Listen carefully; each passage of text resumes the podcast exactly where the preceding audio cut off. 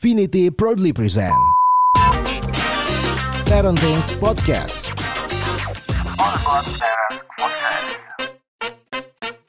Podcast ini dibuat sebelum PPKM dan menerapkan protokol kesehatan. Halo Smart Parents semuanya, welcome. Selamat datang lagi di Parenting Podcast All About Parents Voices. Ini siang hari ini nih ya. Ini eh, nggak tahu nanti nontonnya pagi, siang, sore, malam, tapi boleh ajak teman di sebelahnya. Ajak istrinya, ajak anaknya. Soalnya ini akan jadi salah satu obrolan yang cukup intens karena tadi dengar cerita juga udah seru. Saya udah kedatangan sama Kak Era. Halo Kak Era. Halo, Apa kabar Kak? baik baik. Kenapa intens? Bukan karena Kak Eranya, tapi karena Kak Era anak tercintanya konon indigo. Iya. Indigo-nya kayak gimana kak? Em, sebenarnya sih saya nggak bilang anak saya indigo ya, Ah, tapi saya eh, bilang anak saya itu anak yang lebih peka lah daripada anak yang lainnya gitu ya. Oke, Mm-mm. Ya seperti ngelihat mm, hal-hal yang kita nggak bisa lihat lah, Oke. seperti itu. jadi gitu. pekanya tuh bukan peka inter, indranya lebih peka gitu ya. Jadi Iya. bisa menangkap Iya, Se- seperti itu. sensor-sensor yang kita sendiri nggak bisa lihat. yang kita orang-orang nggak bisa. Emang lihat. anaknya umur berapa bu? Eh, sebentar lagi 9 tahun. Sebentar lagi 9 tahun. Iya, Desember besok 9 tahun. Kapan awal mula ketahuan kalau ini anak peka? Nah, em, pas dia umur 4 tahun itu, ketika dia udah lancar ya ngomongnya, udah mulai cerita apa yang dia mau ekspresi, apa perasaannya, dia cerita ke kita. Nah, Mhm. itu dari situ tuh dia mulai. Hmm, Ma itu apa? Ma itu apa? Saya nggak tahu, saya nggak lihat. Tapi nggak nunjuk barang. Eh, Maksudnya kayak kiri kan nunjuk itu apa? Itu kamera gitu, bukan? enggak. Ya, kadang-kadang di atas. Kadang-kadang kalau lewat jalan tol di atas yang ada lampu-lampu tol, dia itu apa di situ? Itu apa gitu. Jawabannya? yang kalau kita tunjukin kalau itu saya bisa bilang itu kamera itu ada barang saya cuma bilang kalau waktu dulu waktu masih kecil saya bilang ah nggak ada apa-apa gitu tapi ketika sekarang dia sudah mulai dewasa saya nggak langsung ngomong nggak ada apa-apa saya dengerin dulu apa yang dia lihat hmm. Tuh. Kenapa mus kenapa dengerin dulu? Emang kenapa nggak langsung di oh jangan karena saya masa kecilnya juga seperti itu Oh, berarti ada bloodline-nya. ada ada saya masa kecilnya juga seperti itu saya ngebayangin diri saya ketika saya cerita ke orang apa yang saya lihat kemudian tiba-tiba dikat apa rasanya Gak tahu saya nggak. ya kan rasanya pernah. jadi oh kok orang nggak percaya ya saya dikira bohong ya udah deh Nggak saya nggak mau ngomong cerita lagi. cerita lagi gitu ya kan? Oh. nanti lama-lama akhirnya dia memendam itu untuk dirinya sendiri kasihan Oh, sedangkan itu kita harus komunikasi sama dia seperti apa Oke. gitu Sekarang Era juga masih bisa peka juga. eh peka sedikit-sedikit iya tapi kalau untuk ngelihat nah, udah nggak lagi Pengen nggak? nggak mau udah nggak mau lagi Udah nggak mau lagi udah ya? nggak mau lagi cukup deh masih kecil karena masih kecil saya belum takut kalau sekarang saya jadi takut Karena udah banyak nonton kali ya. udah banyak nonton kalau anak takut gak kak kalau kayak gini? Kalau anak saya eh kadang ada yang takut kadang ada yang enggak gitu Maksudnya jadi gimana? Ada yang tergantung takut, apa ada ya apa makhluk bentukan makhluk yang dia lihat gitu loh Kayaknya semua kan kayaknya semuanya menakutkan ya di mata saya ya. iya Apa Saya yang membuat dia takut. takut? Apa yang membuat dia nggak takut? jadi kalau eh, dia pernah lihat gitu ya mah Eh, dia pernah nunjuk mah itu siapa kok mukanya abu-abu itu dia nggak takut Thomas itu. itu dia nggak takut dia cuma cerita sambil ketawa-ketawa Oh. tapi pernah suatu waktu dia cerita dia takut dia sampai nggak berani naik ke atas karena di atas dia bilang ma ada burung besar ada sayapnya tinggi tingginya sampai ke atap besar pengen masuk rumah tapi nggak bisa masuk dia bilang seperti itu. Hmm. nah itu dia takut jadi ada yang makhluk yang dia lihat nggak takut ada yang dia lihat yang mungkin mengerikan bagi sosok mengerikan bagi dia dia baru takut Padahal di kepala kita kalau burung gede ya biasa aja malah lebih takut kayak tangan jalan. Iya nggak sih ya? Jadi berbeda sebetulnya kayak kayak gini-gini nggak bisa kita samain nih. Iya. Eh, smart parents semuanya nih. Hmm. Kalau memang di antara smart parents ada ponakannya atau anaknya yang eh, punya berkat ini gitu ya, Iya. punya gift ini gitu ya, Iya, nggak bisa betul. disamain. Iya. Dan tadi emang better jangan langsung dipatahin gitu ya. jangan Eh, jangan langsung dipatahin dengerin dulu. dengerin dulu Nah kalau banyak takutan gimana? Kalau Era kan mungkin waktu kecil udah pernah nih. Kalau kayak istri saya, orang saya tinggal di atas sendiri di ketakutan. ya kita sebagai orang tua yang udah dewasa ya em, ya kasih contoh lah. Memang kalau Hmm. kita takut ya jangan langsung di kita langsung perlihatkan ke anak kita Hmm. gitu loh. Karena nanti akhirnya misalnya anak saya cerita nih, "Mah, itu siapa? Mukanya berdarah-darah." Aduh. Gitu kan. Oke. Saya kan jadi takut. Waduh, mana? Mama nggak lihat. Itu nggak ada. Ada itu mukanya berdarah-darah, tapi dia kan nggak, tapi dia nggak lihat. Aku nggak lihat. Ya udah. Serem nggak berdarah-darahnya? Saya suka tanya, malah saya tanya lebih detail. Serem nggak darah-darahnya? Enggak gitu. Ya udah, Pavel takut nggak? Oh, Pavel nggak takut gitu. Kalau Pavel takut, ayo kita berdoa ya. Oh. Jadi em, saya selalu dengerin, tapi ujung-ujungnya saya selalu bawa eh, ke doa. Tapi saya Ah. nggak pernah bilang, nah itu itu nggak ada, itu bohong gitu. Saya nggak pernah ngomong anak saya bohong. Hmm. Biarkan. Kalau memang pun itu dia nggak melihat beneran ya, biarkan itu kan imajinasinya dia. Selama belum mengganggu, Hmm. kita bisa lihat dong batasan-batasan mengganggu apa enggak, Hmm. imajinasinya berlebihan apa enggak. Misalnya dia berimajinasi sampai dia ketakutan, dia nggak bisa Hmm. keluar, dia menggigil atau gimana, itu udah salah. Berarti saya mesti konsultasikan ke orang yang lebih tahu gitu ya. Oh, Oke. Sekarang berarti dalam taraf yang masih di bisa Masih- ditoleransi. Masih toleransi. Suami Karena- gimana? ya suami saya sama seperti saya, karena dia juga agak peka juga. Wah ini anggota keluarganya seru ya. Sekeluarga jadi kalau ngobrol bisa rame nih. oh jadi udah emang ada kepekaan itu juga. Ada, ada. Dan jadi udah paham lah ya. Udah paham dan suami saya ngikutin eh, cara saya gimana menanggapi anak ketika ya cerita-cerita tentang hal-hal yang kita nggak bisa lihat. gitu. Hmm. Kalau nggak salah tadi cerita Mm-mm. ada kakak ya. Maksudnya si anak ini punya kakak gitu. Iya. Jadi Kaira punya dua anak Betul. yang punya kepekaan lebih ini yang anak pertama atau kedua? Yang kedua, Kakaknya nggak nggak nggak nggak punya kepekaan ini. Maksudnya tidak sepeka yang pertama ini, eh yang Enggak. kedua ini. kalau saya lihat sih enggak. Sama sekali enggak. Nggak ada cerita-cerita Enggak. tangan jalan tuh mah atau apa nggak ada ya? Enggak, enggak ada. Tapi ya itu namanya anak-anak ya. Ketika jadi adiknya menceritakan sesuatu ya kita jadi heboh kan. Dia ikut-ikutan. Ikut-ikutan as if. Pura-pura ngeliat juga. Oh. Gitu. Ya mungkin dia melihat oh dengan seperti itu saya mendapat perhatian lebih namanya anak ya kan. Jadi ikut-ikutan gitu. Oh. Ya, dunia anak Kalau kayak gitu gimana? Era nanggepinnya kan kakaknya nggak bisa ngelihat. Aku aku cuma gini aja. Malah saya tanya lagi ke anaknya yang eh, anak saya yang pertama kan Yola ya. Saya tanya Yola emang liatnya apa? Sama kayak Pavel. Dia mulai dilebih-lebihin tuh sama dia kayak gitu-gitu kan. Hmm. Terus Yola takut nggak? Ih kayak gini-gini ya udah kalau takut nggak usah dilihat lagi. Hmm. Saya gituin aja. Karena kan ya biasanya yang suka dilihat kan yang serem-serem ya. Jadi ketika dia cerita yang serem-serem tuh sesuai dengan kalau suka nonton-nonton di YouTube dia kan. Hmm. Akhirnya saya gituin aja. Ya kalau kamu takut nggak usah dilihat lagi karena saya tahu anak saya yang pertama. Nggak nggak sepeka nggak sepeka itu gitu adiknya. ya. Jadi jangan sampai akhirnya dia bohong Oh. hanya untuk mendapatkan perhatian lebih gitu. Iya bener-bener. Kalau anak yang kedua ini, Mm-mm. katakanlah namanya tadi mau boleh disebutin nggak sih? Nggak apa-apa. Boleh, boleh. Namanya Pavel. Pavel. Di Pa- Pa- Pavel di di sekolah punya komunitas indigo juga atau teman-temannya gimana? Kebetulan kan dia sekarang baru kelas 3 ya. SD. SD. Di dia baru bergaul banyak tuh satu tahun berarti kelas 1 sesudahnya kan PJJ ya. Mm-mm. Nah, itu. Di kelas 1 itu dia kurang banyak gaul gitu. Jadi nggak cocok sama teman-teman yang lain. Emang karena dia nggak cot, emang karena orangnya pendiam atau ada ada pengaruh dari si kepekaan ini juga kalau Pendiam nggak, dia anaknya aktif, sangat aktif. ya sih sampai cerita tuh ada apa gitu Ah, ya. ah, dia dia aktif, dia ah, berani maju ta- tampil, berani ke ah, ah, ah. depan. Aha. Kalau ditanya guru dia pasti tunjuk tangan walaupun sering salah, tapi dia pede. Iya iya iya iya. Dia sangat pede. Tapi dia tuh memang suka cerita hal-hal yang temennya nggak bisa tangkep.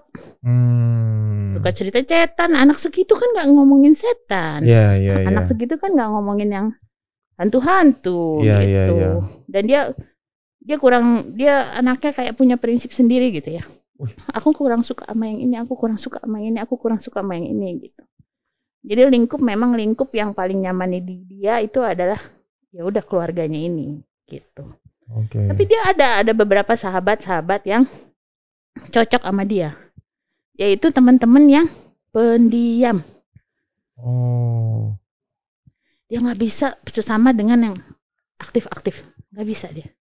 Jadi kalau diam pendiam ketemu pendiam diam diaman apa gimana? Anak saya kan nggak pendiam. Anak saya cerewet. Jadi si pendiam ini mendengarkan aja. Iya. Karena kan anak saya temen ngomong apa didengerin. Nah kan kalau sama-sama aktif. Ah jangan dengerin Pavel, oh Pavel bohong gitu. Dia nggak mau. Nah kalau yang pendiam dengerin aja. Oh iya gitu. Yang pendiam nih kasihan juga ya. Udah diem doang, temennya nggak banyak. Sekali dengerin ceritanya horor-horor lagi gimana nih? Itu yang saya lihat selama kelas 1 gitu kan ya. Tapi ya sudah deh so, pas lagi PJJ ini mulai ada perbaikan mungkin karena nggak ketemu secara fisik jadi pengen ah mah video call sama ini pengen video call sama temen yang ini gitu pengen Hmm. jadi setiap kali ada zoom sekolah tuh semangat gitu ya seperti itulah I see, I see. Em, keluarga ngelihat ini kadang-kadang kan ada sebenarnya saya malah melihat anak indigo ini dipandang lebih tinggi ya dibandingin anak-anak lain ya. Maksudnya kayak dipandang spesial gitu loh. Sedang Iya. tidak seperti stigmanya malah positif. Wih gila keren banget anak indigo gitu ya nggak sih kalau saya pribadi loh ya. iya Kayak gila serius lu. Berarti suci banget kan. Bayangannya kayak gitu. Kalau keluarga dan teman-teman gimana? Er, kayak gitu juga kalau sih? kalau kita anggap lucu-lucuan ya Oh, gimana tuh?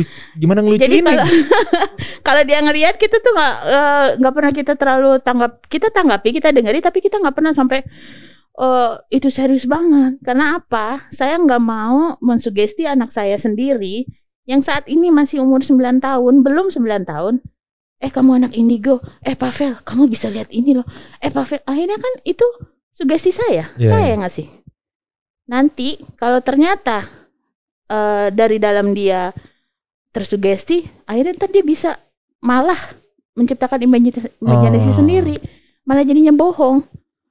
Makanya saya pernah bilang anak indigo itu nggak ada sertifikasinya nggak ada Hmm. ijazah. Iya, iya. ah, indigo. Lulus tes indigo. Kan nggak ada kan? Ada. hanya anak itu sendiri yang nanti ketika dewasa dia tahu bahwa dirinya itu indigo. Ketika dia sudah bisa baca-baca informasi atau apa ketika dia sudah pasti banget bahwa oh memang saya ngelihat itu. Kalau sekarang anak kecil.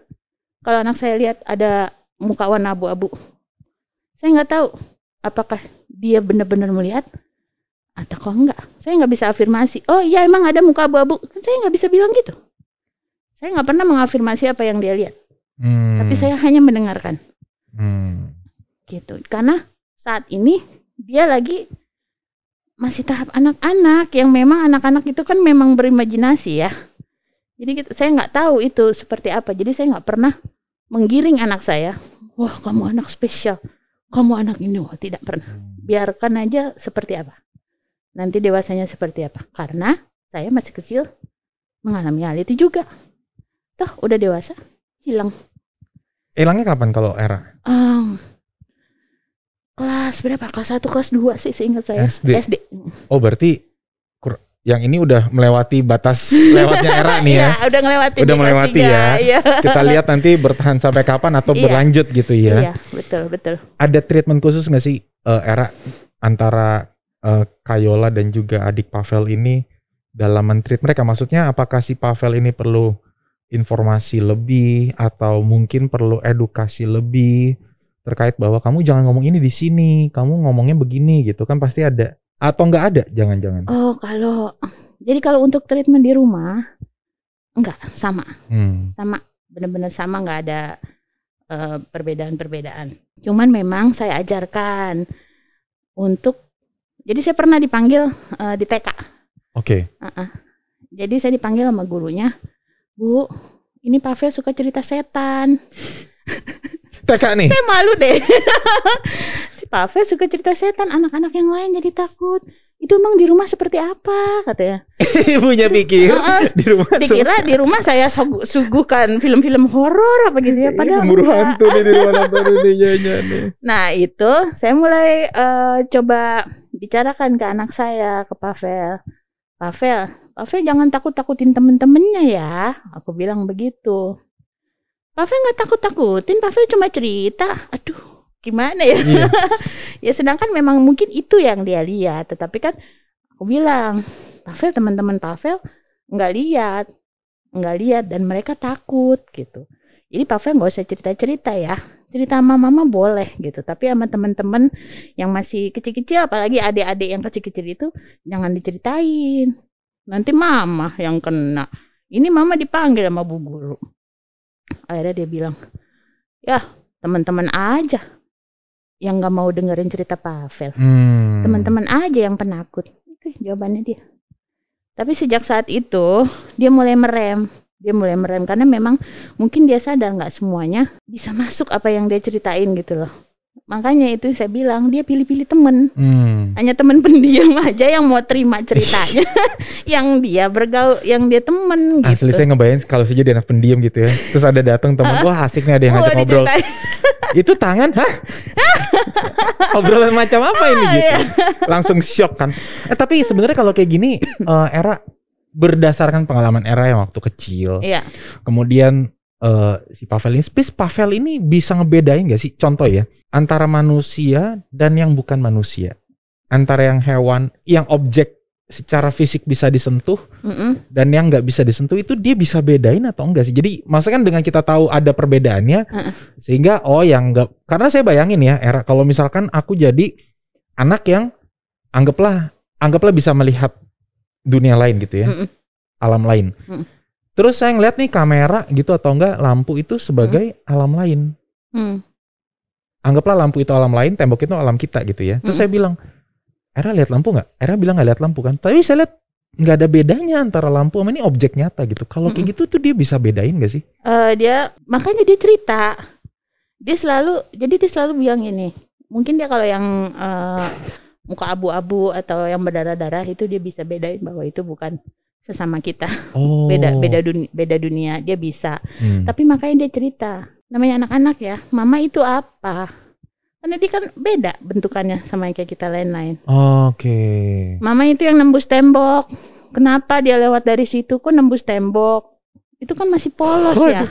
Iya bener. Iya, mak jadi dia pasti tanya. Makanya saya selalu membuka diri saya untuk dia bisa bercerita. Makanya saya nggak pernah cut. Coba kalau dia sendiri, Iya iya. anak kecil, dia ini apa berandai-andai sendiri itu apa ya, itu apa ya. Dia kan kasihan ya Iya kan. iya iya. iya. Jadi dia selalu tanya. Mungkin dia bertanya itu kan karena dia nggak tahu itu Beneran apa. nanya. Eh, eh, beneran nanya, dia nggak tahu. Oke, berarti sebenarnya kelihatan juga perbedaannya ya. Kelihatan dia tahu sih, karena kan eh, memang saya udah bilang, saya udah cerita, memang kita ada kita ini manusia sayang, memang setan itu ada, aku bilang gitu. Dunia lain memang ada, tapi nggak di sini, lain, bukan sama-sama kita. Dan kita kan yang paling sempurna, jadi nggak usah takut. Itu yang saya selalu eh, tegaskan ke anak Mhm. saya gitu loh. Nah, ketika dia mungkin lihat makhluk yang bentukannya berbeda dengan manusia, beda dengan binatang-binatang yang pernah dia diajarin dari IPA di sekolah Iya gitu iya kan ya. iya iya. Ya dia tanya, Oke. Jadi sebenarnya tahu bedanya ya. tahu, dia tahu bedanya.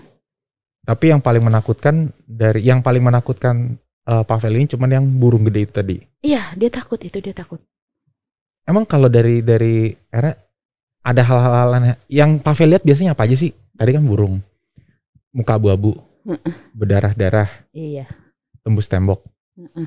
Terus yang aneh-aneh ada apa lagi? Yang ka- mungkin kalau kita Lihat takut gitu. kalau kita ngomong miske ya, yang kalau sekarang bilang Miske, eh, Mbak ke- eh, Mbak eh, Mbak Engkun, Mbak ya Mbak itu, iya dia juga pernah lihat itu. takut gak dia?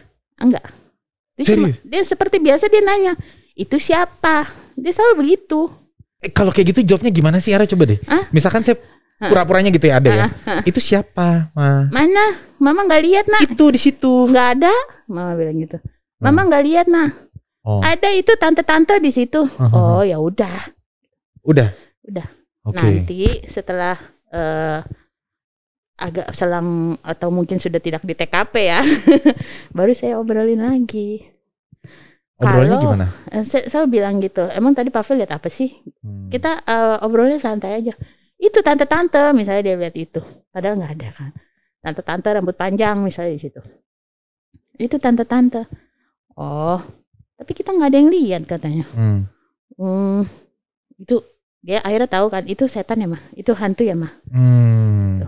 ya mungkin mama kan nggak lihat gitu Hmm. kan Pavel takut nggak enggak ya udah kalau takut ya udah biarin aja Kalau nggak takut biarin Heeh, aja heeh. gitu ya. kalau takut Pavel Doa. berdoa aja Hmm. tadi juga hilang begituin Oh, oke. Semua jadi dibawa kembalikan ke doa. betul betul Dan ini menarik loh sebenarnya. Konsep takut itu tuh bukannya kita semua punya takut karena kan sebenarnya takut tuh kita cuma takut dua, suara keras sama jatuh setahu saya. Kita tuh cuma punya dua fear itu loh di awal. Mm-mm. Semuanya tuh adalah ketakutan yang dipelajari. Mm-mm. Dan ini terbukti bahwa lo aja denger nyebut namanya aja gue takut kan tadi. lah ini ngelihat bentukannya dan gak takut gitu ya. iya betul. Gitu jadi da, itu penting banget. Dan kedua tadi kalau yang bisa aku tangkap dari obrolan sama Era itu adalah betapa pentingnya mendengarkan. Betul betul. Kak aku mau konfirmasi terakhir. Mm-mm. kakaknya tadi kalau nggak salah namanya Yola ya? Yola kakaknya. Apakah Era melakukan perlakuan yang sama ketika Yola bercerita yang bukan hubungannya dengan alam astral ataupun apa pun itu. Eh sama saya tetap dengerin kok. Saya tetap dengerin dengerin iya. Cuma kita sebagai orang tua kan punya feeling ya kita punya pengalaman lebih banyak. Jadi ketika anak ini mulai misalnya bercerita ya uh, udah berbunga-bunga imajinasinya udah terlalu banyak. Terus eh, udah mulai ngaco istilahnya Mhm. ngaco gitu ya. Kita pelan-pelan kita bisa masuk kan. Kita kasih pengertian kita kasih oh itu nggak benar oh itu salah. Oh itu bukan. Misalnya gitu ya. Misalnya dia cerita ke ada suatu waktu eh, adiknya cerita yang nembus tadi nembus ke Mhm. kamar mandi. Mhm. dia bilang Yola juga lihat gitu. Yola juga lihat gitu. Eh ininya panjang kan? Bajunya panjang kan dek? Gini-gini. Udah mulai berlebihan udah mulai uh di di banyak. dikasih bumbu-bumbunya Iya. banyak gitu kan. Ya aku cuma bilang sama Yola Yola takut nggak? Ih takut mah orang dia bisa lihat gini-gini kan nggak bisa gitu. Udah udah udah mul- mulai ngomongnya udah mulai eh ngaco. Terus saya bilang ya kalau Yola takut ya nggak usah dilihat lagi. Aku bilang gitu. Nggak usah dilihat lagi. Nggak perlu dilihat lagi. Yang kayak yang seperti itu nggak perlu dilihat lagi. Oke. Dia diem. Jadi aku bilang nggak perlu karena supaya dia jangan terlalu berlebih-lebihan lagi nanti Hmm. bohong Iya iya. bohong. Hanya Karena untuk dapat perhatian. hanya untuk dapat perhatian gitu Padahal di luar cerita makhluk yang bisa nembus nggak bisa nembus, eh, Sama, kita tetap perhatian. dengerin. sama perhatiannya cuman memang otomatis kan ketika Lebih adanya ya. ah, ketika adanya mama itu siapa di situ kita otomatis Hah, Iya iya gitu iya ya iya kan? iya iya. mungkin kakaknya juga mau wah kita ada reaksi seperti itu Seru juga nih. ya itu maka tapi saya saya suka cut di situ kalau sudah berlebihan saya cut Oke, jadi satu hal yang saya dapat bahwa buat kita orang tua tuh kita perlu apa ya? eh trait ataupun perlu mem- memberikan perilaku yang memperhatikan anak, mendengarkan anak. Karena Betul. benar banget, bayangin kalau misalkan anak tuh sebenarnya punya banyak cerita ya. iya ya. banyak banget Mau terlepas anak itu punya kemampuan melihat alam Betul. lain ataupun tidak melihat alam betul, lain, betul sekali kita kan punya cerita Iya. masing-masing yang mau Iya. didengerin ya gitu. betul betul Dan kalau nggak dengerin gimana? Siapa yang mau dengerin kita? Mm-mm. Gitu. Kalau Indigo ya mungkin nanti ada masanya dia dipanggil ke channel YouTube sebelah yang emang bahas Indigo gitu dan dia bisa bercerita. iya Tapi kan sebenarnya memang pada dasarnya kita semua perlu bercerita iya betul dan kita orang tua di rumah adalah orang pertama yang harusnya mendengarkan Iya. cerita mereka iya terlepas dari apa pun cerita itu ya. iya betul Iya jangan langsung cut langsung dipotong Iya karena kan pembicaraannya kebanyakan kan kita orang tua denger, "Ma, aku tadi marahin guru." Kita langsung marahin balik. iya Padahal kan belum tentu eh, itu hal yang tepat kita lakukan. belum lengkap ceritanya dia Bener. belum lengkap belum lengkap. Wah seru ya ngobrolin ini. ini kalau ngobrol terus pasti Iya. nggak akan kelar karena ceritanya semakin banyak dari umur berapa tadi? Eh, Eh, Apa dia- namanya? dari empat tahun dia Empat mulai. tahun sampai kelas sekarang 9 tahun sudah lima Iya, tahun. sudah lima tahun Bisa dibayangkan selama lima tahun ada banyak sekali hal-hal yang terlihat gitu ya dan juga terjadi. iya Pasti banyak banget. Tapi itu benang merah yang saya dapat eh, Kak Era bahwa kita harus mendengarkan. Eh, kitalah jadi orang pertama yang menjadi orang yang jadi betul-betul tempat yang nyaman buat anak bercerita, Iya, betul. buat anak bisa duduk di samping kita ngobrol sama kita Iya, betul. gitu ya. Betul banget. Di luar dari cerita-cerita bumbu indigonya tadi. Iya. betul banget. Thank you banget Kak Era atas Iya, waktunya. Sehat-sehat selalu. Eh, sukses buat semua rencananya. Iya. Ini siapa tahu kan eh, kacamata-kacamata yang bisa melihat indigo mau sponsor di kita nih boleh juga nih. Thank you semuanya. Kalau Oke. semoga podcast hari ini kali ini episode kali ini bermanfaat buat Anda dan jika dirasa bermanfaat diambil manfaatnya. Jika ada hal-hal yang kayaknya nggak bermanfaat nih tadi cerita-cerita serem tadi kayaknya membuat saya takut, ya udah dilupakan saja gitu ya. Dan jika dirasa poin ataupun uh, message dari podcast podcast ini uh, bermanfaat, boleh di-share ke teman-teman, keluarga dan juga kerabat. Siapa tahu uh, episode ini bisa membantu memberikan informasi tambahan bagi keluarga, teman dan juga kerabat kita. Itu aja. Uh, thank you Kak Era. Ya. See you di episode berikutnya. Bye bye. Bye. Parenting Podcast. All about parents podcast.